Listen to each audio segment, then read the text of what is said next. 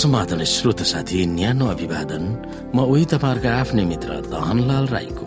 श्रोत साथी आज म तपाईँको बीचमा बाइबल सन्देश लिएर आएको छु। आजको बाइबल सन्देशको शीर्षक रहेको छ परमेश्वरलाई पहिले प्राथमिकता देऊ।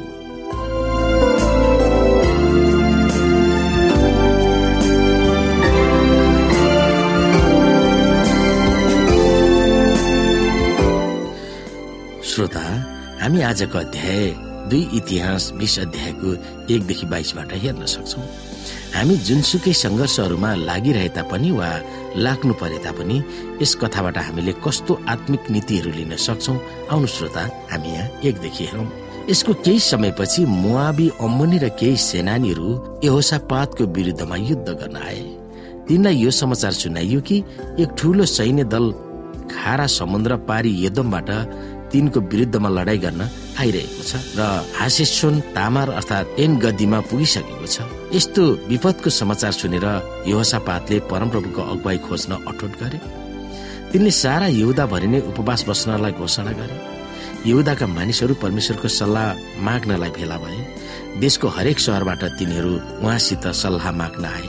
यहुदा र हेरुसिलेमका सभाको सामुन्ने परमप्रभुका मन्दिरको नयाँ चोकको अघि खडा भएर यहोसपातले भने हे परमप्रभु हाम्रा पुर्खाहरूका परमेश्वर के तपाईँ नै स्वर्गमा विराजमान हुनुहुने परमेश्वर हुनुहुन्न? तपाईँ जाति जातिहरूका सबै राज्यहरूमा शासन गर्नुहुन्छ। तपाईँकै हातमा शक्ति र बल छ तपाईँको सामना गर्ने कोही छैन।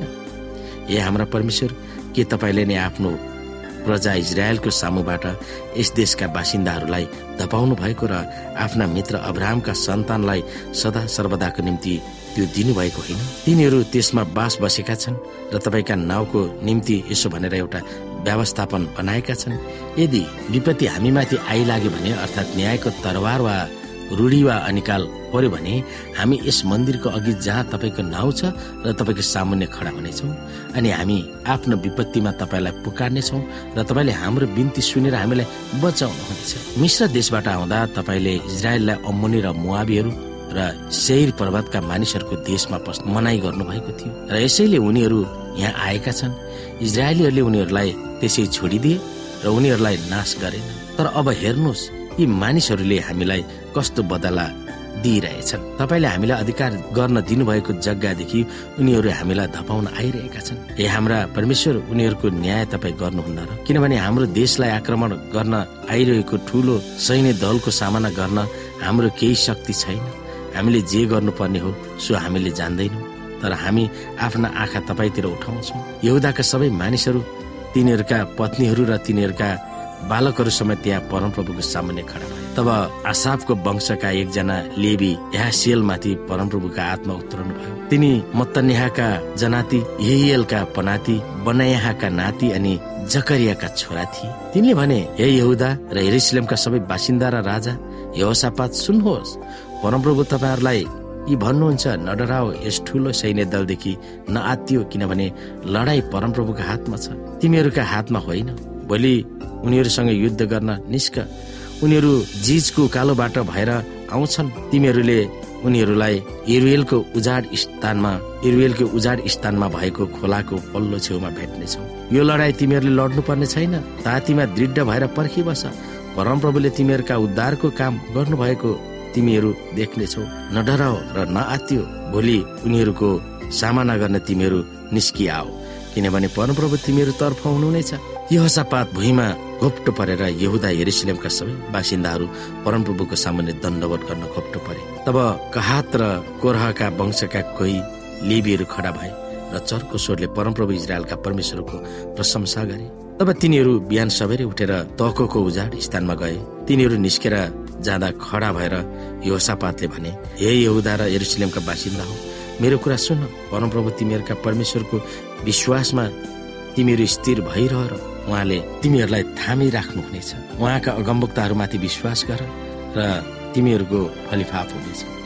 मानिसहरूसित सल्लाह गरेपछि तिनले कतिजनालाई परमप्रभुको स्थितिगान र उहाँको पवित्रताको प्रतापको प्रशंसा गर्न सेनाको अघि अघि गएर गाउनलाई नियुक्त गरे। अनि तिनीहरूले यसो भनेर गाए परमप्रभुलाई धन्यवाद दियो किनभने उहाँको प्रेम अनन्तकालसम्म रहिरहन्छ। तिनीहरूका प्रशंसाको चरको आवाज सुनिने बित्तिकै परमप्रभुले यहुदासँग युद्ध गर्न आएका अम्मनी मुआबी र शैर पर्वतका मानिसहरूलाई अल्मल्याइदिनु भयो र उनीहरू परास्त भए। अम्मनी र मुआबीहरू शैर पर्वतका मानिसहरूका विरुद्धमा उनीहरूलाई खत्तम गर्न र नाश गर्न उठे। जब उनीहरूले शहरका मानिसहरूलाई नाश गरिसके तब उनीहरूले आपसमा नै एकअर्कालाई अन्धाधुन्द आक्रमण गर्न लागे। जब यहुदाका मानिसहरू उजाड स्थानमा भएको अग्लो ठाउँमा आइपुगे र शत्रुको सैन्य दललाई हेरे तब त्यहाँ तिनीहरूले उनीहरूलाई भुइँमा मारिएर लडिरहेका पढिरहेका देखे। अनि उनीहरू मध्ये एउटै पनि उम्केको थिएन। जब योसापात र तिनका मानिसहरू लुटका माल जम्मा गर्न आए तब तिनीहरूले असङ्ख्य सामानहरू लुगाफाटाहरू बहुमूल्य थोकहरू लानै नसक्ने गरी लुटेर लगे। तिनीहरूले तीन दिनसम्म लुटका माल जम्मा गरे किनभने ती त्यति धेरै थिए। चौथो दिन तिनीहरू बराकाहाको बेसीमा भेला भए।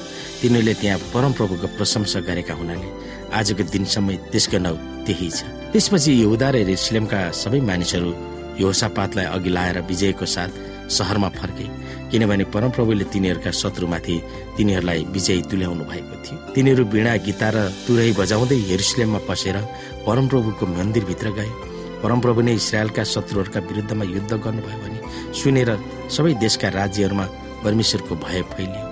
योसापातको राज्यमा शान्ति भयो किनभने परमेश्वरले तिनलाई चारैतिर विश्राम दिनुभयो। श्रोत साथी राजा योसापातको राज्यकालको अन्तिममा यहुदामाथि आक्रमण गरिएको थियो। योसापात साहसिलो र वीर थिए। वर्षौंसम्म उनले आफ्ना सैनिकहरूलाई बलियो बनाएका थिए र उनका सहरहरूलाई किल्लाले घेर्न लगाएका थिए। कुनै पनि शत्रुसँग सामना गर्न उनी तयार थिए। यद्यपि जब आफ्नो देशमा शत्रुहरूले मिलेर आक्रमण गर्ने खबर उनले पाए तब आफूले ठूलो संकटमा परेको महसुस गरे। तर यस कठिन घडीमा उनले आफ्नो सैन्य बल र किल्लाले बलियो पारेको सहरलाई हेरेर र तिनीहरूमाथि भर परेन। बरु परमेश्वरको शक्तिमाथि भरोसा राखे। त्यसकारण उनले त्यस कठिन मामिलालाई कसरी सम्हाल्ने भनेर परमेश्वरसँगै सहायता माग्ने निर्णय गरे। सारा यहुदाका मानिसहरूलाई उपवास बस्न आग्रह गरे। सारा जनसमूह मन्दिरको वरिपरि भेला भए। यदि खतरा आइपर्दा मन्दिरतिर नजर लगाएर प्रार्थना गर्नु भनेर राजा सोलोमनले भनेका थिए। आफ्ना सारा परिवारसहित यहुदाका मानिसहरू परमेश्वरको सामु खडा भए।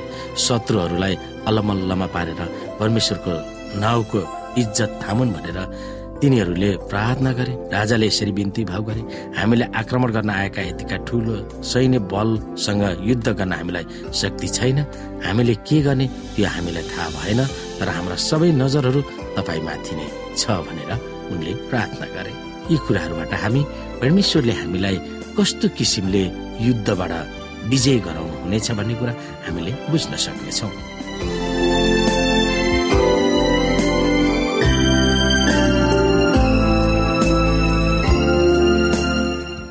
श्रोत साथी आजको लागि बाइबल सन्देश यति नै।